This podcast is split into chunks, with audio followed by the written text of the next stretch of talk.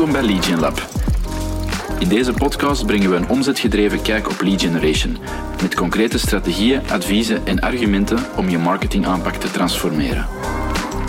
Enjoy. Oké Nico, leuk dat we hier eh, ehm, weer een aflevering kunnen maken voor ondertussen toch wel een driehonderdtal trouwe volgers. Dat is eh, heel plezant. Eh, eh, dat mensen naar ons kijken en ons luisteren. Ik wou dat toch eens even meegeven en, en daarvoor bedanken. Ehm, we hebben vandaag een vraag bij dat we recent ehm, tijdens een meeting hebben gehoord. Het is niet per se ingestuurd geweest. Um, was wel heel herkenbaar en dan klikte dat in heel veel scenario's voor ons. namelijk het gegeven van, ja, wij willen marketing doen, maar hoe kunnen wij uh, weten wat een zinvol budget is? Wat zou een zinvol marketingbudget zijn om nu te spenderen om richting uh, ons doelstellingen te groeien of een marketing te doen?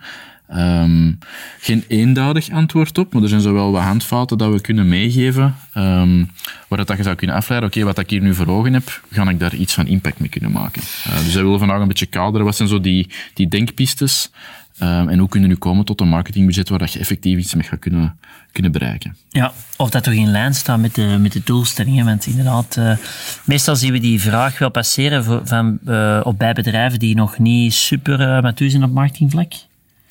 Uh, ook daar, maar ik denk dat er, ja. dat er op alle niveaus soms wel. Uh, ja. ja. Maar misschien eerder, eerder ja. daar. Ja. Allee, ja, in ieder geval. Um, dat is wel het punt hè, van ja, welk marketingbudget hebben wij nu nodig om, om deze doelstellingen te realiseren. Dat is vaak iets waar ze moeilijk een antwoord op kunnen geven. En hoe komt dat?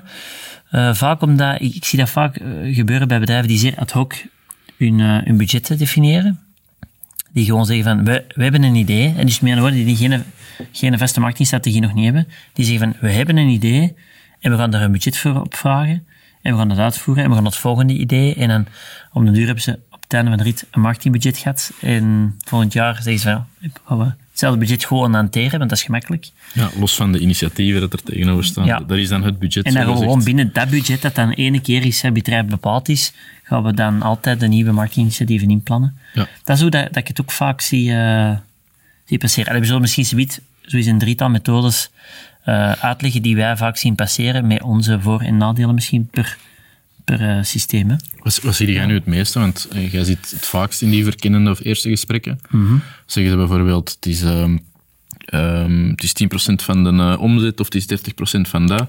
Is, is dat een sleutel dat je, dat je vaak ziet terugkomen? Uh, goh, dat is de gemakkelijkste. In WC is dat de gemakkelijkste. Maar um, in theorie zie ik eigenlijk heel veel... Uh, jammer genoeg zie ik heel veel voorkomen dat ze eenmalig in afgelopen jaar een budget hebben gedefinieerd.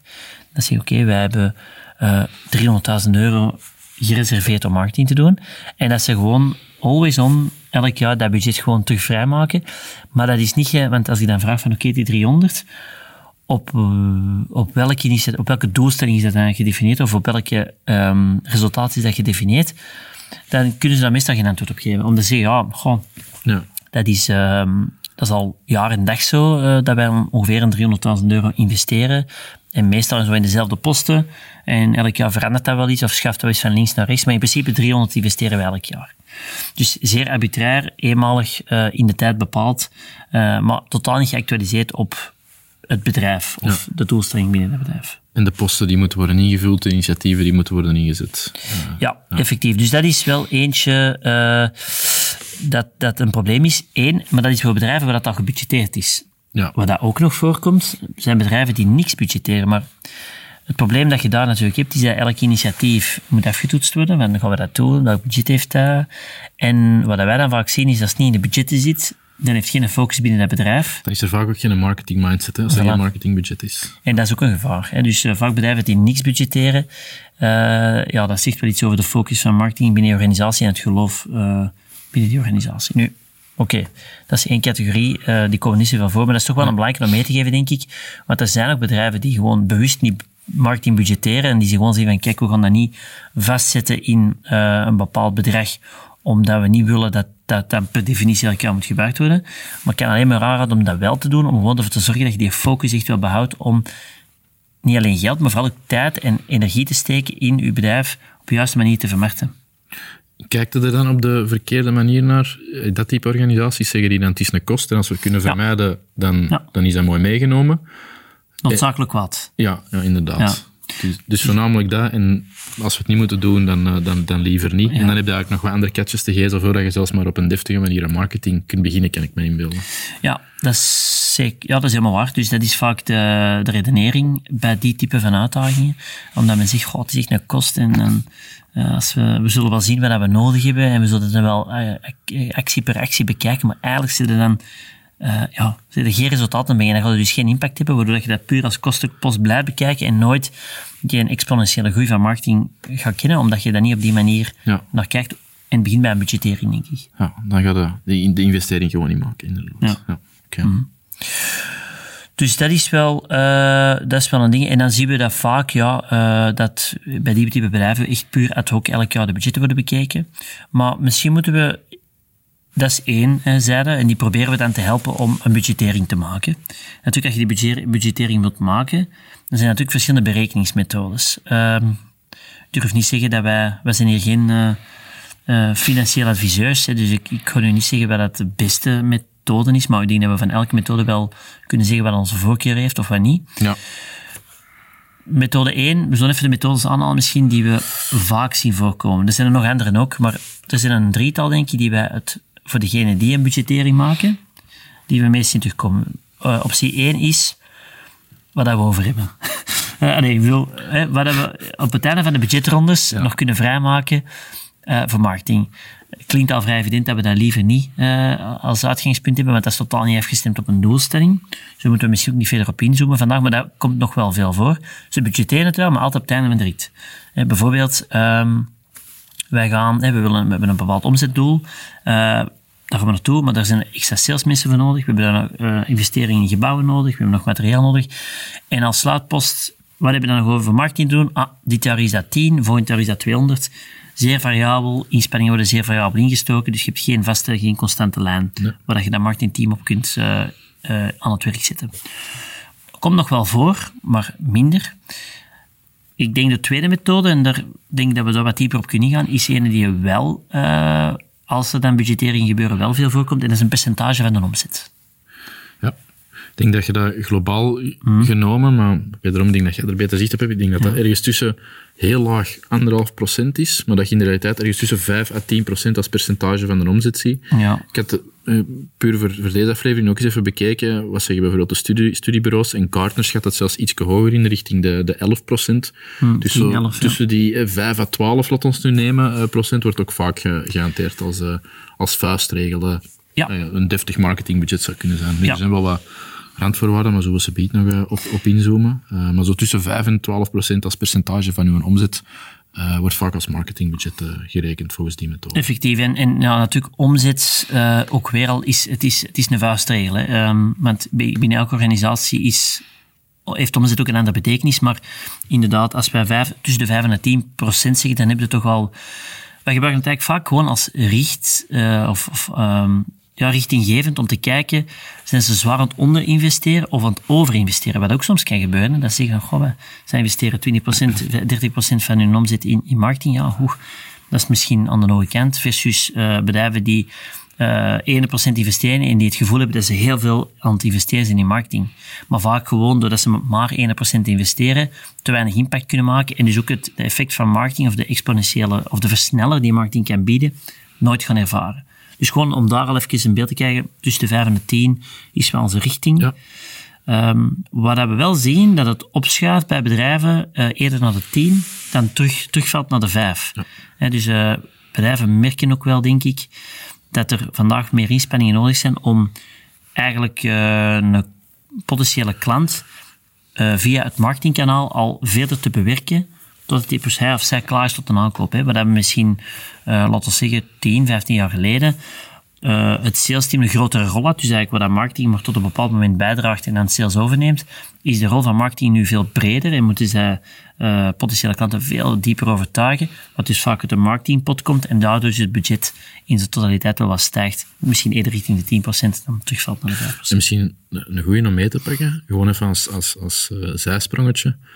Ehm, wat, wat zit er voor u wel en wat niet in een marketingbudget? Dat is misschien nog interessant, want Ja. ik denk dat kan die Ja. percentages ook, eh, ook sterk doen fluctueren als ze bepaalde organisaties nu bijvoorbeeld zeggen ehm ehm, investering in technologie, dat is een marketingkost. Ik zeg maar iets. Zijn er zo dingen dat je zegt van dat wel en dat niet? Dat is een eh terecht punt. Hè. Er zit vaak heel veel en heel weinig in eh, een marketingbudget. Dat is een heel belangrijk, want dat kan eh, ja, dat percentage sterk beïnvloeden.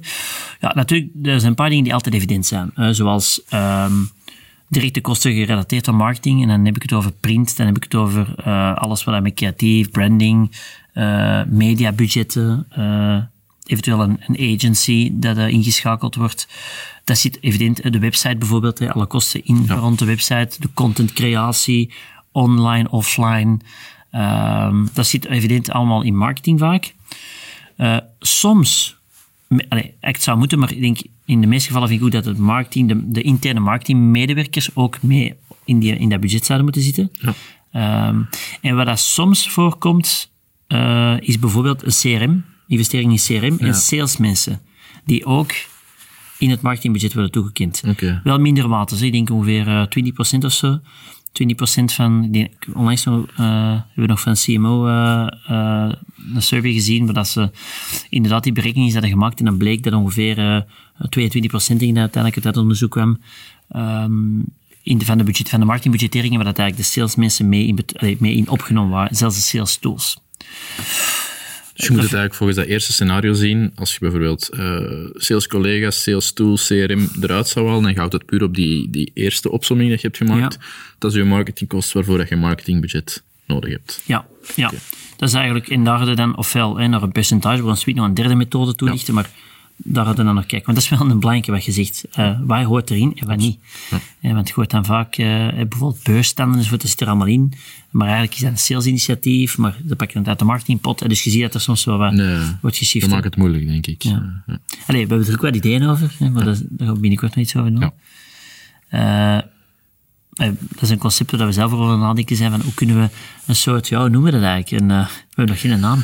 Een revenue. Groeibudgettering, Ja. revenue-budgettering. Ja, waar we sales en marketingbudgetten gaan samenbrengen, omdat, eh, ja, omdat het eigenlijk over één ding gaat. Dus revenue creëren en er Ja. heb je een, een, salesprofiel en een marketingprofiel, maar dat moet eigenlijk, zou eigenlijk geen budgettering moeten zijn. Ja, waarin dat heel dat team inderdaad vervat zit en alle tools en werkmiddelen die ze nodig hebben om, om richting revenue-doelen te groeien. Hè. Eigenlijk is het een beetje, maar misschien moeten we het nog niet te veel verklappen, het idee om het eh, samen te brengen, om die sterker te maken, te aligneren, Ja. eh, om samen richting dat gezamenlijke, eh, die gezamenlijke groeidoelstelling Ja. te groeien. En dat dan daar ook gezamenlijke, of een, een gedeeld budget tegenover, denk ik. Inderdaad, dat is nu wel nog voor op de curve, maar daar zijn we wel mee bezig. Dus als we, er, als we erover uit zijn, dan gaan, we, ja, dan gaan we zeker wel eens Ja.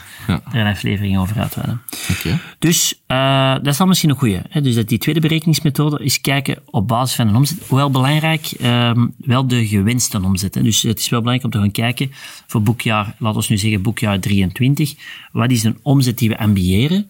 En op basis van een omzet dat we ambiëren, daar dan dat percentage op toepassen. Want wat dat vaak voorkomt is, we hebben elk jaar hè, eh, 5% van de omzet.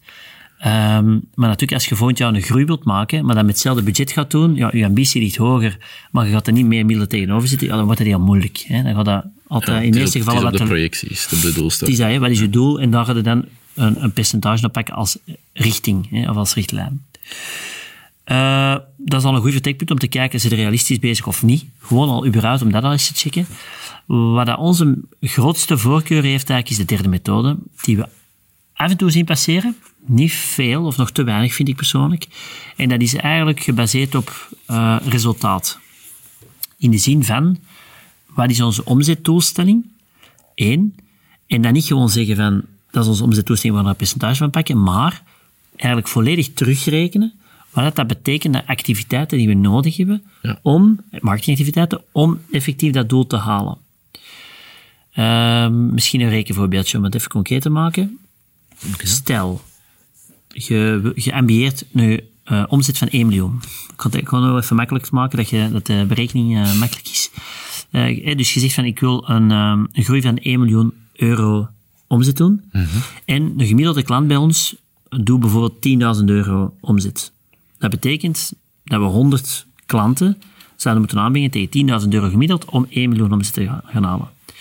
Nu, die 100 klanten we weten uit ons CRM, want we hebben die data. Dus deze methode trouwens, by the way, ehm, is enkel toepasbaar van bedrijven die al iets met u zijn in hun uh, CRM. Die, die data hebben. Hè? Ja, voilà. Ja.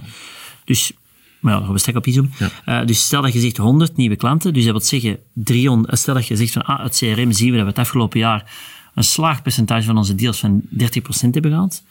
Dat wil eigenlijk zeggen dat we dan, uh, wat is het, 333 uh, uh, opportuniteiten moeten aanmaken het komende jaar. En van die 333 opportuniteiten weten we bijvoorbeeld, moet ik even denken, uh, dat we, we weten uit het, dus we hebben ons marketingbudget van vorig jaar, we weten hoeveel opportuniteiten gecreëerd zijn, dus we weten onze kost per lead van onze marketingspanning die we hebben gedaan vorig jaar. Stel dat die uh, 250 euro zou zijn. En we hebben 333 uh, opportuniteiten nodig. En dus dan doen we 333 maal 250 euro kost per lead. En dat is dan, uh, dat zal een, uh, wat is het, een 80.000, 85.000 euro ongeveer zijn. Ja, je rekent beter als ik. Dus ongeveer zoiets, 85.000 euro. Denk ik, uh, allee, snap hoeft niet, 85.000 euro, laten we nu zeggen, marketingbudget dat je zou moeten, moeten voorzien, minimum, om ervoor te zorgen dat je op zijn minst die miljoen, dat die miljoen omzet realistisch is. Hè? En dan die 80.000 op dat miljoen, dat is ongeveer 8 procent. Dus dat is dan eigenlijk past een beetje binnen de range, we gezegd, tussen de 5 en de 10. Dus je kunt vaak die twee ook gebruiken om het even af te toetsen. Percentage gemakkelijk op omzet. En dan is even berekenen op basis van resultaat.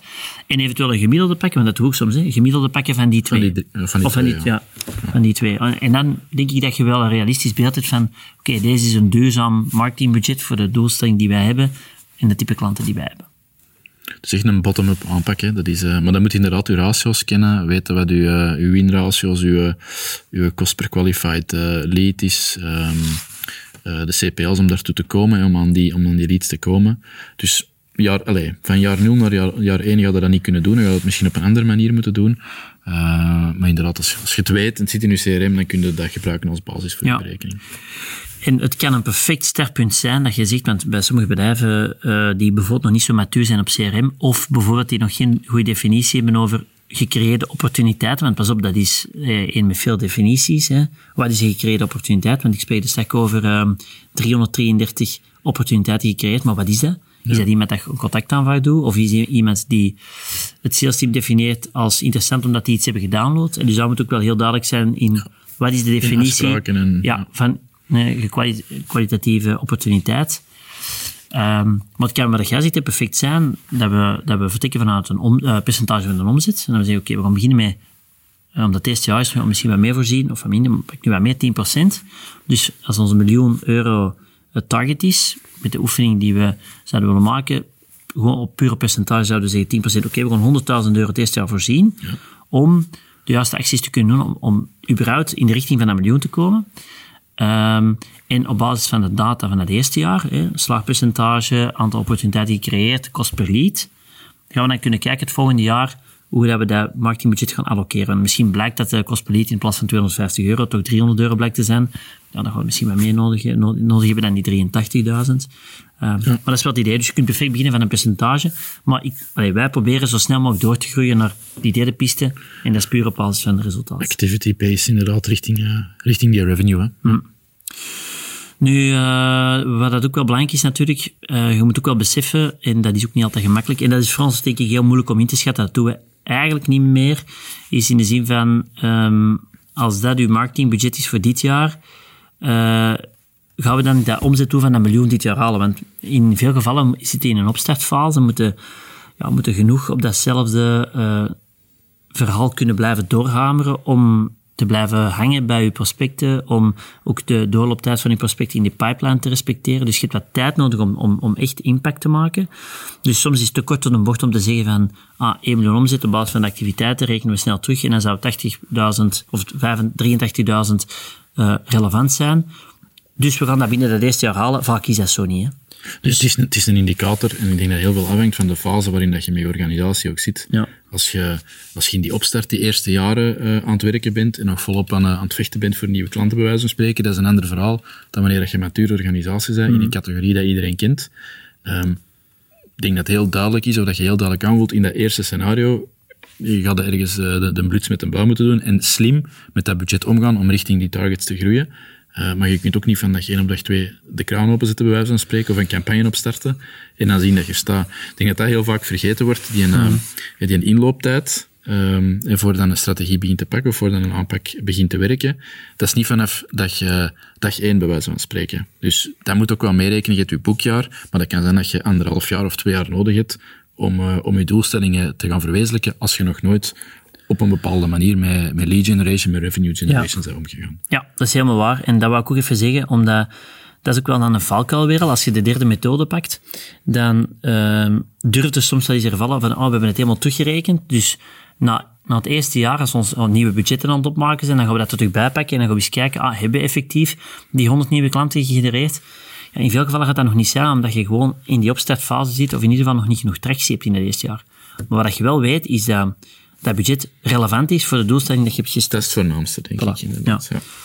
Uh, en dat je de juiste perceptie hebt wat, wat dat nodig is qua investering om er eens te geraken, een bepaalde ambitie te hebben. Ja. Dus uh, ik denk dat we dat vooral uh, vandaag even willen, allez, wouden aanhalen van probeer daar naartoe te werken en probeer die derde methode eigenlijk te omarmen op een of andere manier.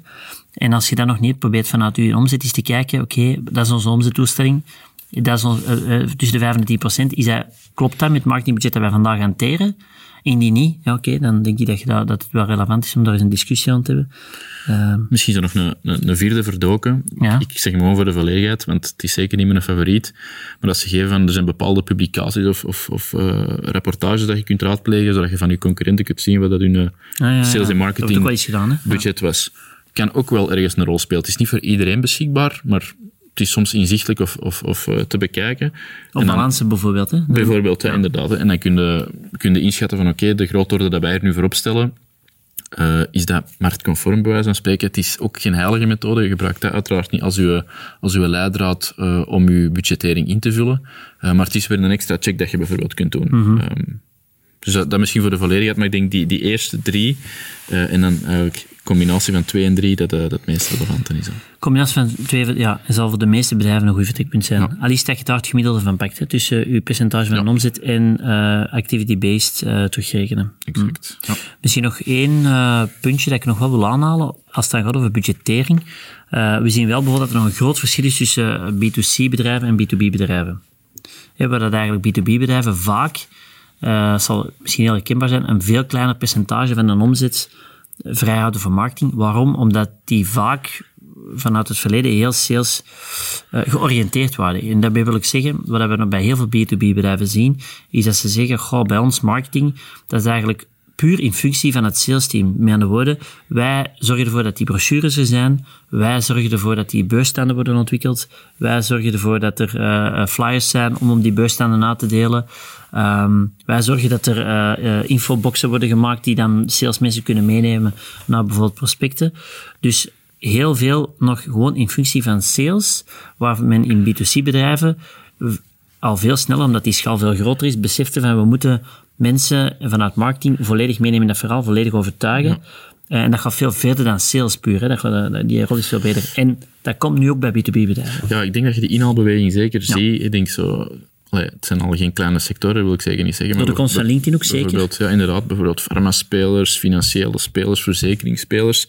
Die zijn echt wel uh, aan het inhalen en uh, uh, ja, vaak grotere marketingbudgetten aan het voorzien om om ja, nieuwe klanten te winnen, om business te doen. Dus je ziet inderdaad traditioneel B2C, dat, dat daar het zwaartepunt lag, maar je ziet die inhaalbeweging echt sowieso. Dat, mm. dat is echt wel bezig. Ja, zeker en vast. Ook omdat het gewoon de toegankelijkheid van B2B en vooral uh, in contact komen met andere B2B contacten die voor u als organisatie belangrijk zijn, zo toegankelijk ook is geworden, dat eigenlijk de marketing approach van B2C nu overhevelt naar B2B. Maar waar ik me even als side note meegeven. Een goeie. maar dan hebben we toch vandaag even gehad over budget. Uh, kort samengevat, hè, uh, drie methodes. Eén, wat hebben we nog over? Of wat hebben we nog liggen? Zeker geen voorkeur. Tweede methode, een deeltje van een omzet gebruiken, 5 tot 10 procent. Uh, en eens kijken of dat, dat vandaag ook in overeenstemming is met waar jullie vandaag in zitten. En ideaal scenario op basis van resultaat. Eventueel het gemiddelde van die twee nemen als uh, leidraad. Uh, om op die manier uw marketingbudget op de juiste manier in te steken en ook de juiste verwachtingen te creëren. Voilà. Moesten er nog vra extra vragen zijn rond berekeningmethodes of andere methodes die jullie gebruiken en waar jullie zo over van ideeën willen wisselen, laat ons weten via LinkedIn. Uh, of stuur ons de vraag in via webstick.be slash vraag. En dan komen we daar heel graag op terug. Of maken we daar een extra aflevering over. En anders zien we jullie heel graag terug in onze volgende Lead Lab. Tot dan.